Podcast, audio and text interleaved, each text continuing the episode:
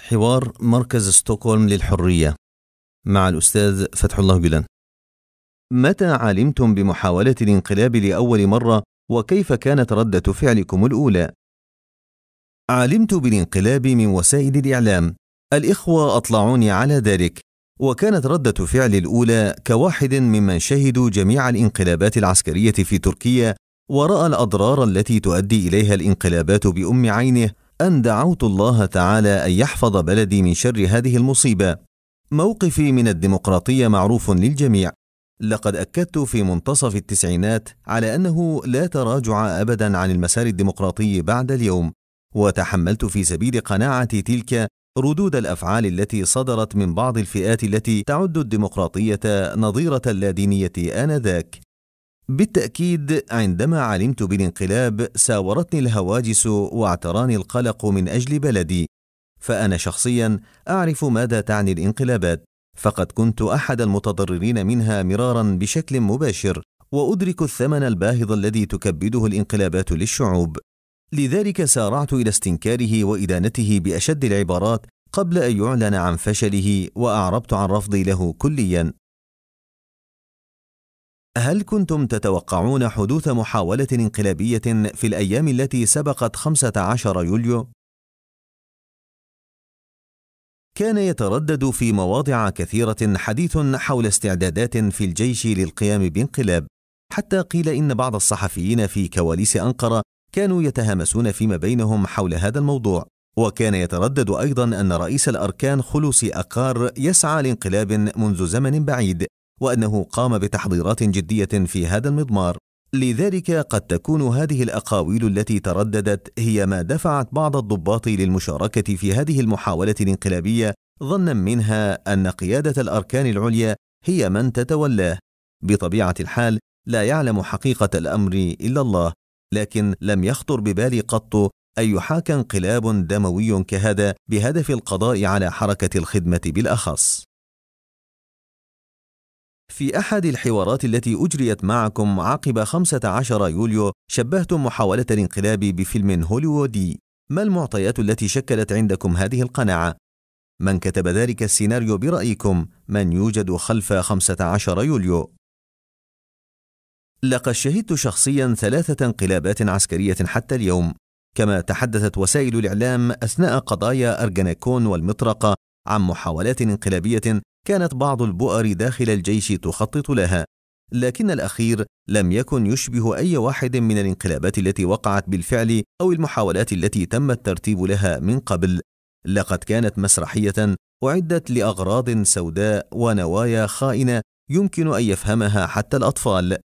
لقد قيل الشيء الكثير عن تلك المسرحية وكتب عنها الشيء الكثير والحقيقة أنها تستحق أن يعد حولها دراسات وبحوث معمقة.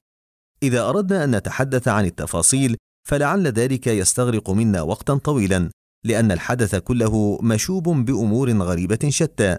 على سبيل المثال الساعة التي انطلق فيها الانقلاب أي أن يخرج عدد محدود من الجنود ويستولوا على طرف من الجسر المعلق في إسطنبول مساء في ساعة الذروة حيث جميع الناس في الخارج. إلى أشياء أخرى غريبة يمكن أن نذكرها. ذكر بعض الجنرالات فيما بعد أن ما تم هو انقلاب تم التخطيط له ليكون فاشلا. بل إن نائب الرئيس الأمريكي وقتها جون بايدن الذي زار تركيا في تلك الأثناء شبه المحاولة بلعبة من ألعاب الكمبيوتر. ولكن عندما أصف ما وقع بالمسرحية أو السيناريو ليس غرضي أن أقلل من شأن ما حدث. لا شك أن آثار هذه الكارثة كانت أشد ضررا وفداحة من جميع الانقلابات التي وقعت في تركيا من قبل وما زلنا نعاني من آثارها حتى اللحظة. لقد استشهد 249 مواطنا من أبناء شعبنا في هذا الحدث المشؤوم وأودع حوالي خمسين ألف مواطن بريء في السجون. ولا يمر يوم دون أن نسمع عن أبرياء جدد يتعرضون لمظالم جديدة وتجاوزات مؤلمة. لقد أغلقت مئات المدارس وعشرات الجامعات وصودرت آلاف من الشركات الخاصة وانفصمت تركيا عن المسار الديمقراطي كليا رغم أنها كانت تتقدم في ذلك المسار نحو الأفضل ولو ببطء. حصل الشروخ بين شرائح المجتمع ونثرت بذور للعداوة والنزاع بين الناس يصعب تلافيها. لقد اتضحت نيتهم وهي تأسيس نظام ديكتاتوري فاشي تحت غطاء نظام رئاسي جديد. كان أردوغان يريد أن يبيد حركة الخدمة منذ زمن طويل، لكنه فشل في أن يحقق هدفه هذا عبر الطرق القانونية رغم جميع ألوان اللف والدوران على القانون وكافة المراوغات، فلجأ إلى هذا السيناريو أخيرا. لعلكم تذكرون أنه سبق أن كشف عن نيته تلك عندما قال قبل هذه الأحداث بكثير: إن لم تخضعوا لي فيمكنني أن أعلن حركة الخدمة تنظيما إرهابيا في جميع أنحاء العالم من خلال مدع عام وحفنة من رجال الأمن. كان من باب المستحيل أن يحقق ذلك عبر الطرق القانونية، لأن أبناء الخدمة مستنيرون ومثقفون، لم يؤذوا نملة في حياتهم، ولم يخرجوا إلى الشوارع في مظاهرات لإثارة الفوضى مطلقا، لم يرموا أحدا بحجر ولم يؤذوا أحدا، لذلك لجأ إلى سيناريو خبيث كهذا ليقول للناس ها هم رجال الخدمة يحملون السلاح كذلك وهكذا استطاع أن يفتح الطريق المؤدية إلى تأسيس نظام ديكتاتوري يخطط له من جهة كما استطاع أن يدشن حملة واسعة ضد الخدمة أطلق عليها مطاردة الساحرات لم يسبق أن تعرضت الخدمة لمثلها من قبل. طبعا فشل في إقناع الرأي العام العالمي بأن حركة الخدمة تنظيم إرهابي، لكنه نجح في زرع العداء والكراهية ضد الخدمة في المجتمع التركي بفضل عشرات الصحف والقنوات التلفزيونية الموالية التي تلفق يوميا عن حركة الخدمة مئات من الأخبار الكاذبة دون انقطاع.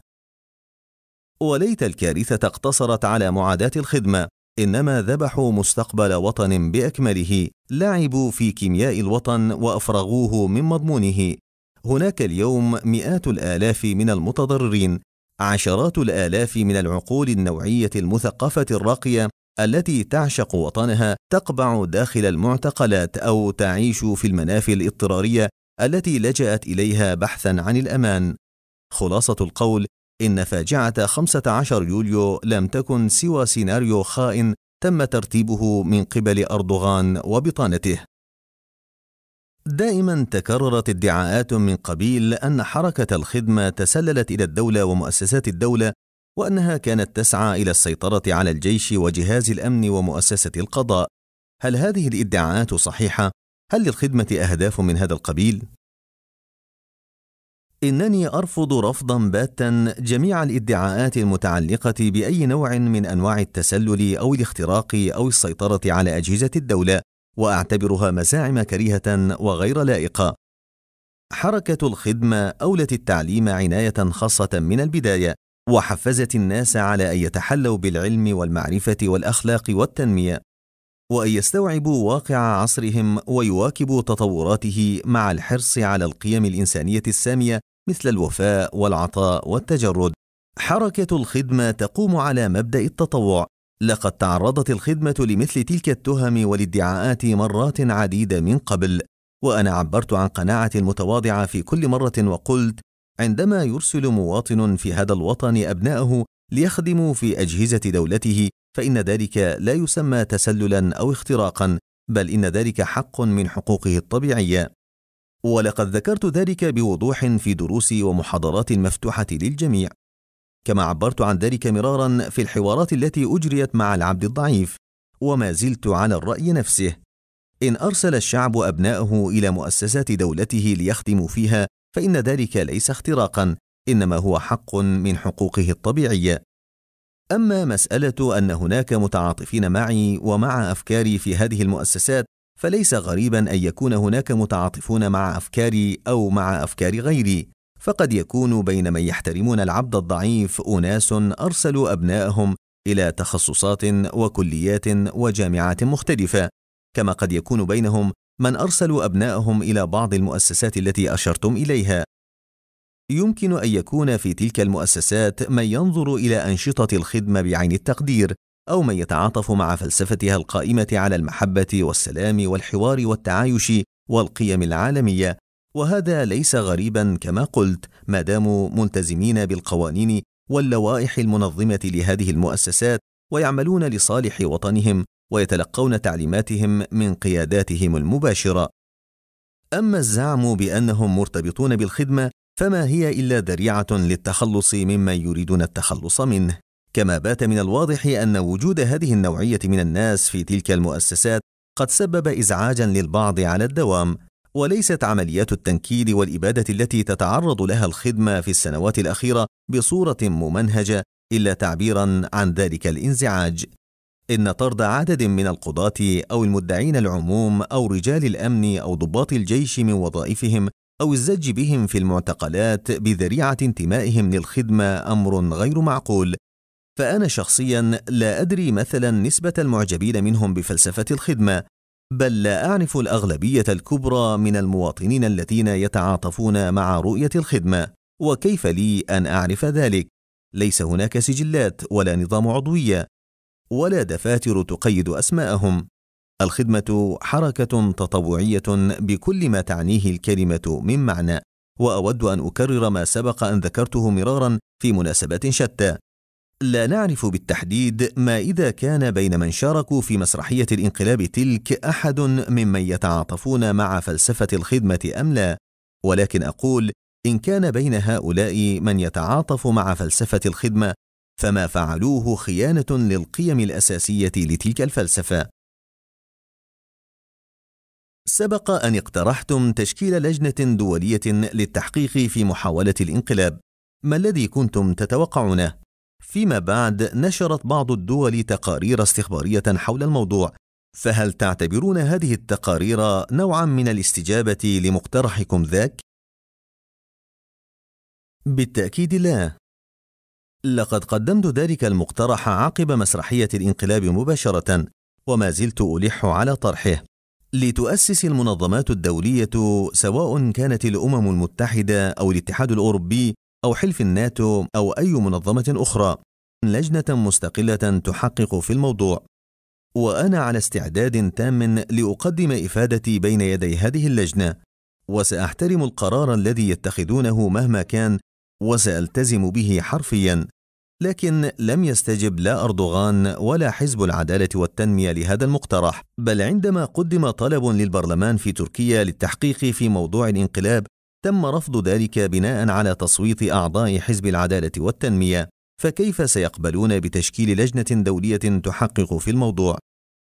إنكم تعرفون جيدا ما آلت إليه الأمور في اللجنة التي تشكلت سوريا في البرلمان وما كادت تتشكل لولا ضغوطات مكثفة ولم تتشكل إلا بعد أن مضى على محاولة الانقلاب أشهر عديدة.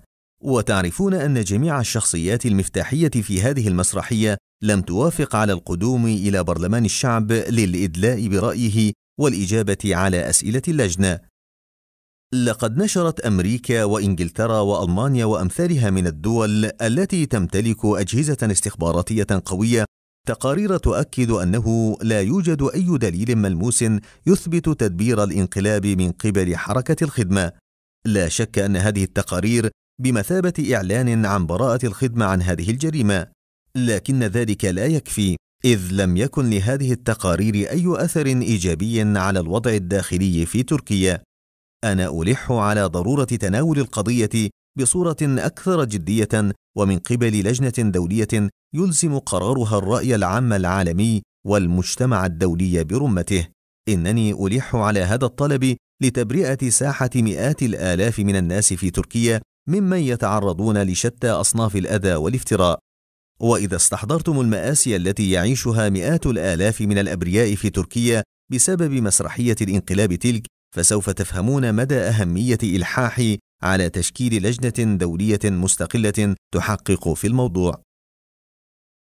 كشف مؤخرا أن وزراء حزب العدالة والتنمية خططوا مع مايكل فلين مستشار الأمن الخاص السابق للرئيس الأمريكي ترامب لاختطافكم من أمريكا إلى تركيا. كيف تقيمون ذلك؟